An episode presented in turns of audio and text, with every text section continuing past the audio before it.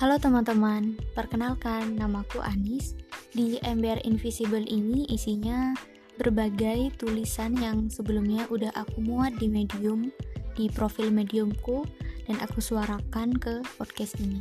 Dan juga tentang berbagai hal menarik yang aku temukan yang mengendap di kepalaku dan ingin aku sampaikan ke halayak umum. Semoga kalian bisa menikmatinya ya. Dadah.